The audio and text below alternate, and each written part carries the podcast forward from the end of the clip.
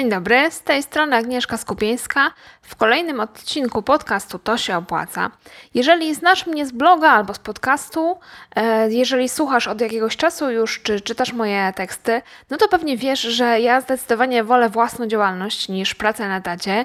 I tak naprawdę powiem Ci, że gdybym mogła, to wszystkich zachęciłabym do tego, żeby zakładali swoje firmy, żeby już nikt nie pracował na etatach. Oczywiście wiem, że tak się nie da, Natomiast dzisiaj opowiem Ci o tym, jakie wymówki najczęściej powstrzymują nas przed założeniem własnej firmy, przed pracą na swoim. Zanim przejdę do konkretów, muszę zaznaczyć, że no oczywiście zdaję sobie sprawę z tego, że własna firma nie jest dla każdego. No i mimo, że bycie przedsiębiorcą czy bycie freelancerem daje mnóstwo frajdy, daje mnóstwo niezależności, no i często też daje całkiem fajne pieniądze, to e, tak naprawdę sama nie doradzałabym nigdy założenia firmy, na przykład komuś, kto nie umie zarządzać swoimi finansami, swoimi pieniędzmi.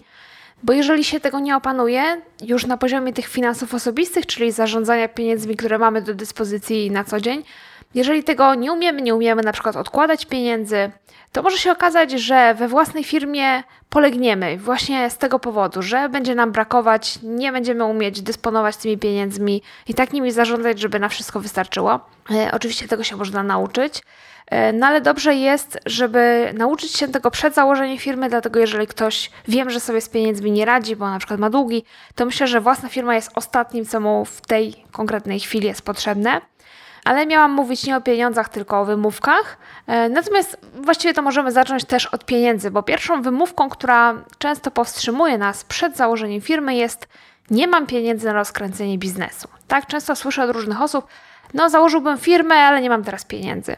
Jak sobie z tym poradzić? Po pierwsze należałoby zadać pytanie, a ile ty właściwie potrzebujesz? I już na tym etapie często się okazuje, że właśnie osoba, z którą rozmawiam na ten temat, e, właściwie nie wie, ile potrzebuje, nie policzyła tego. Wie tylko, że nie ma pieniędzy, ale ile, ile nie ma, ile jej brakuje, no tego to już nie wie. No i to jest właśnie najlepszy dowód na to, że pieniądze to są w tym przypadku tylko wymówką, bo jeżeli ktoś faktycznie chce przejść na swoje, to ma plan, który mm, sobie gdzieś tam rozpisał, który sobie założył, ma konkretny pomysł, wie dokładnie, co trzeba zrobić, żeby ten plan, ten pomysł zrealizować, no i w związku z tym wie, ile potrzeba e, mu na to pieniędzy, ile tych pieniędzy musi zebrać.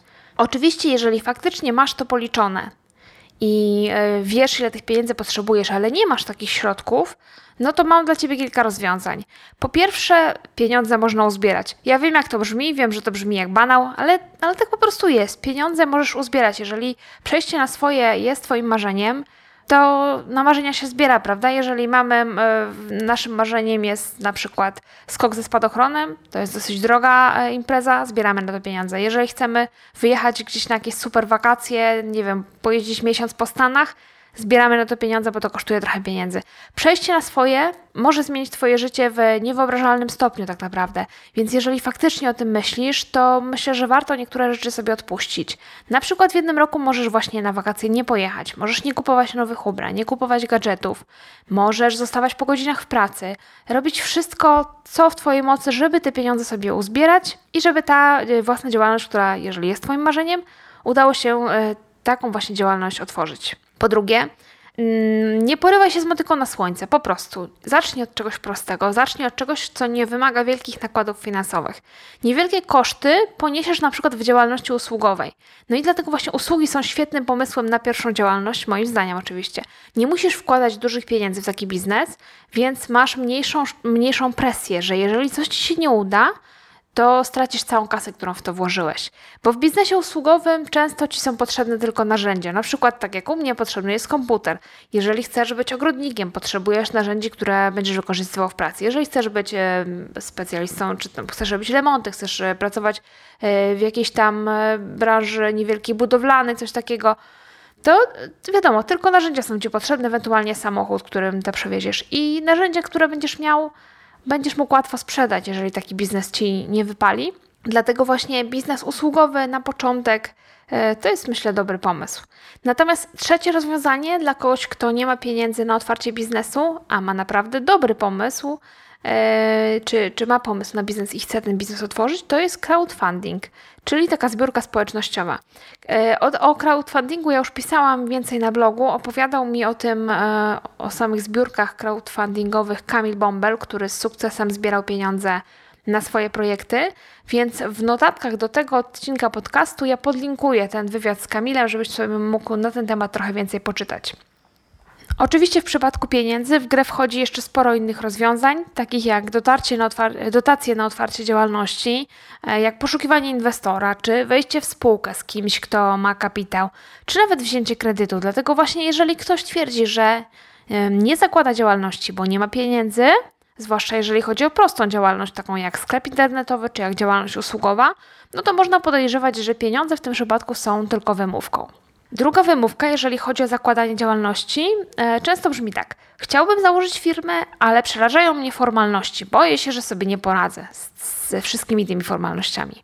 Z tą wymówką rozprawić się jest najłatwiej, e, bo jeżeli tobie taka obawa przeszkadza w założeniu firmy, no to powiem Ci, że nikt nie rodzi się z umiejętnością prowadzenia działalności, nikt nie rodzi się z umiejętnością ogarnięcia wszystkich tych formalnych tematów i każdy musiał się tego kiedyś nauczyć.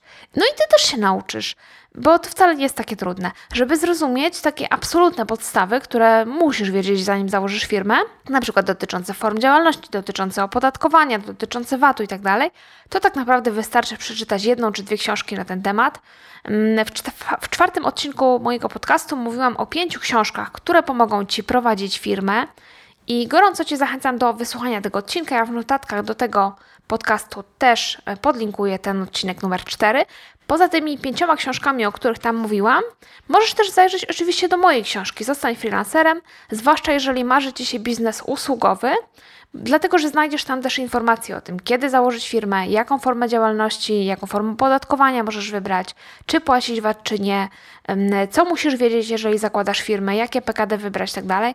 Wszystko to jest wyjaśnione naprawdę przystępnym językiem, więc jestem przekonana, że wszystkie formalności e, staną się dla Ciebie jasne i zrozumiałe i zobaczysz, że to wcale nie jest takie trudne od strony formalnej, jak mogłoby się wydawać. A druga sprawa, jeżeli, e, o której musisz wiedzieć, to jest fakt, że Wszystkie firmy, właściwie większość firm przeważnie zleca obsługę księgową biurom rachunkowym, zewnętrznym biurom rachunkowym. Jeżeli zdecydujesz się na skorzystanie z usług biura, a gorąco Cię do tego zachęcam, bo koszt y, takiego biura jest niewielki dla jednoosobowej działalności, to jest mniej więcej 100-150 zł miesięcznie. I jeżeli się zdecydujesz na księgową, to księgowa y, właściwie zdejmie Ci z głowy wszystkie formalne sprawy. Do Twoich zadań będzie wtedy należało podpisywanie umów z klientem, czy sprzedawanie na przykład przez sklep internetowy, wystawianie faktur, no i przekazanie tych faktur do księgowej. Księgowa się tym wszystkim zajmie. Kiedy przyjdzie odpowiedni dzień miesiąca, księgowa powie Ci, ile podatku musisz zapłacić, do jakiego urzędu i właściwie więcej nic nie będziesz musiał zrobić poza zapłaceniem właśnie tego podatku. To jest naprawdę żadna trudność. Zaręczam Ci, że każdy sobie z tym e, poradzi, z pomocą oczywiście biura rachunkowego. Wymówka numer 3, która powstrzymuje większość osób od prowadzenia firmy, to boję się, że mój biznes nie wypali, mój pomysł na biznes nie wypali i że nie wystarczy mi na ZUS. Jak sobie w tej sytuacji poradzić? Oczywiście najlepiej wszystko dokładnie policzyć wcześniej, przed założeniem firmy. Ilu klientów spodziewasz się obsłużyć w ciągu dnia, w ciągu tygodnia czy miesiąca? Co będzie, jeżeli tych klientów będzie o połowę mniej? Czy pytałeś potencjalnych klientów, osoby z Twojej grupy docelowej, czy są zainteresowane Twoim produktem, czy kupiłyby go od Ciebie i w jakiej cenie? Ale także y, musisz się zastanowić, czy masz oszczędności, żeby przeżyć przez pierwsze pół roku prowadzenia działalności bez żadnej pensji albo z minimalnym wynagrodzeniem. Jeżeli okazałoby się, że faktycznie biznes nie przynosi zysków, czy dasz radę właśnie żyć za minimalne wynagrodzenie albo w ogóle bez pensji. W przypadku osób, które zakładają działalność na takim zupełnie nowym dla siebie terenie, czyli na przykład w nowej branży i nie mogą tego wcześniej zrobić na próbę. No bo oczywiście, jeżeli jesteś e, w biznesie usługowym, to możesz na próbę świadczyć usługi mm, na umowach o dzieło, na przykład tak jak ja byłam copywriterką na samym początku, e, opierając się na umowach o dzieło, nie założyłam działalności od początku. Przez jakiś czas można to robić, ale wiadomo, że nie w każdym biznesie się da, bo na przykład nie możesz otworzyć na próbę kawiarni, czy kwiaciarni, czy jakiegoś innego biznesu, który wymaga po prostu lokalu. I w takich przypadkach właśnie ważne jest, żeby mieć odpowiednie zabezpieczenie, czyli żeby mieć jakieś własne oszczędności. Najlepiej jest w ogóle przyjąć, że przez jakiś czas Twoja firma w ogóle nie będzie na siebie zarabiać i w związku z tym odłożyć tyle, żeby przez, przez określony czas, na przykład przez rok, móc płacić ZUS właśnie z tych oszczędności, prawda? Żebyś nie musiał się martwić, że jeżeli Twoja firma nie zarobi, to nie będziesz miał z czego zapłacić ZUS-u, bo jeżeli tak będzie, firma nie zarobi, to Ty masz oszczędności, z których ten ZUS właśnie pokryjesz. Te trzy wymówki, czyli brak pieniędzy, brak umiejętności i obawa, że pomysł na biznes nie wypali i nie będzie mnie stać na ZUS, to są wymówki, z którymi ja się spotykam najczęściej, jeżeli chodzi o osoby, które chciałyby przejść na swoje. Ale to oczywiście nie są wszystkie wymówki, bo my bardzo lubimy wymówki, e, bardzo lubimy e, wymówki, bo one po, pozwalają nam się nie ruszać z miejsca. Więc wymyślamy ich całe mnóstwo. Robimy wszystko, żeby się właśnie nie ruszać z miejsca i trwa, trwać w tym, co już mamy, co jest nam znane. Jeżeli chodzi o prowadzenie biznesu, to często tłumaczymy się na przykład w taki sposób. Nie mam czasu na założenie biznesu. I to czasami nawet nie tyle, że ktoś nie ma czasu, by prowadzić tę firmę, no bo faktycznie prowadzenie firmy to nie jest takie, że tam godzina dziennie, ale nawet czasami, żeby stworzyć biznesplan, czy wręcz, wręcz zarejestrować działalność. Ktoś mi mówi, że no ja mam taki plan, będę, będę zakładał firmę, ale teraz nie mam czasu się tym zająć. E, druga sprawa, nie wiem jak napisać biznesplan. To jest kolejna wymówka, dlatego że e, nic prostszego niż dowiedzieć się, jak się pisze biznesplan, albo po prostu wręcz kupić w internecie gotowy biznesplan i na tej podstawie napisać własny. Bardzo prosta rzecz i dlatego jak ktoś mówi, że nie wie jak napisać biznesplan, no to możesz się spodziewać, że raczej wcale nie chce założyć firmy, tylko jest to właśnie wymówka. Kolejna sprawa, nie mam dobrego pomysłu na biznes albo w drugi biegun, mam za dużo pomysłów. I ja co jakiś czas dostaję maile od czytelników, którzy mają właśnie dużo pomysłów na biznes, e, natomiast nie realizują żadnego z nich, bo nie wiedzą, na który się zdecydować. I właśnie, jeżeli ty też e, sam nie wiesz, który z Twoich pomysłów jest dobry, a masz ich wiele, to porozmawiaj z kilkoma osobami, które mają już swoje firmy. Niech te osoby Ci powiedzą, co myślą o Twoich pomysłach i który z tych pomysłów jest najlepszy, który ma większe szanse na sukces. Może wtedy, jak porozmawiasz, to pod, pomoże, ci, e, pomoże Ci podjąć decyzję. E, kolejna wymówka: nie znam się na marketingu czy na sprzedaży, a przecież bez tego nie ma biznesu. No owszem, to prawda, bez marketingu, bez sprzedaży nie ma biznesu, ale jeżeli się na czymś nie znasz, e, czegoś nie umiesz, no to przecież pamiętaj, że zawsze masz dwa wyjścia. Albo możesz się tego nauczyć, albo możesz zatrudnić kogoś, kto to już umie i zrobić to za ciebie. Następna wymówka: boję się zatrudniać ludzi. E, przecież e, nie każdy biznes wymaga zatrudniania. To też sobie warto zdać sprawę z tego, że nie każdy biznes będzie wymagał, żebyś zatrudniał e, pracowników, bo przecież będąc freelancerem, tak jak ja, możesz pracować na swoim, a jednocześnie być jedynym pracownikiem w swojej firmie, więc zatrudnianie ludzi tutaj w ogóle nie będzie potrzebne. Następna wymówka. Moja rodzina mnie nie wspiera, wyśmiewa mój pomysł na biznes. No i okej, okay, to może być faktycznie problem. E, tylko, że pomyśl, dlaczego tak się dzieje, dlaczego cię rodzina nie wspiera. Może niedokładnie wytłumaczyłeś rodzinie, na czym polega ten pomysł. Może sam tego pomysłu nie dopracowałeś e, jeszcze tak, tak dostatecznie, żeby on wydawał się opłacalny. A może rodzina na przykład boi się, że gdy ty rzucisz pracę, to zostaniecie bez pieniędzy i że domowy budżet tego nie wytrzyma. Często przyczyna jeszcze gdzie indziej leży, bo być może bliscy nie pochwalają Twojego pomysłu na biznes, bo po prostu nie znają się na prowadzeniu firmy, albo wręcz nie są z Twojej grupy docelowej. I z tej przyczyny uważają, że to zły pomysł, no bo po prostu nie widzą tego tak jak Ty. Wyobraź sobie, że Twoim pomysłem na biznes jest na przykład jakiś ciekawy gadżet dla niemowląt i przedstawiasz ten pomysł na biznes swoim znajomym, ale y, żaden z tych znajomych nie ma dziecka. No i teraz, czy może Cię dziwić, że oni nie widzą sensu w takim biznesie i nie widzą tutaj szansy, no bo oni w ogóle nie znają tego rynku, prawda? Nie wiedzą, czy ten gadżet dla niemowląt ma szansę na, y, na rynku, ma szansę powodzenia, może się sprzedać, czy też nie.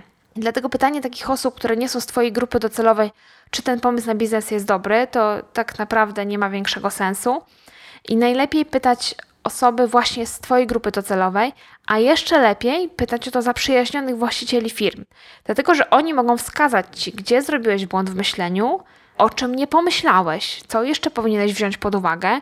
Oni mają doświadczenie i mogą ocenić szanse Twojego biznesu znacznie lepiej niż na przykład Twój mąż czy Twoja żona, którzy, jeżeli nie prowadzą firmy, no to po prostu mogą pewnych rzeczy nie wiedzieć.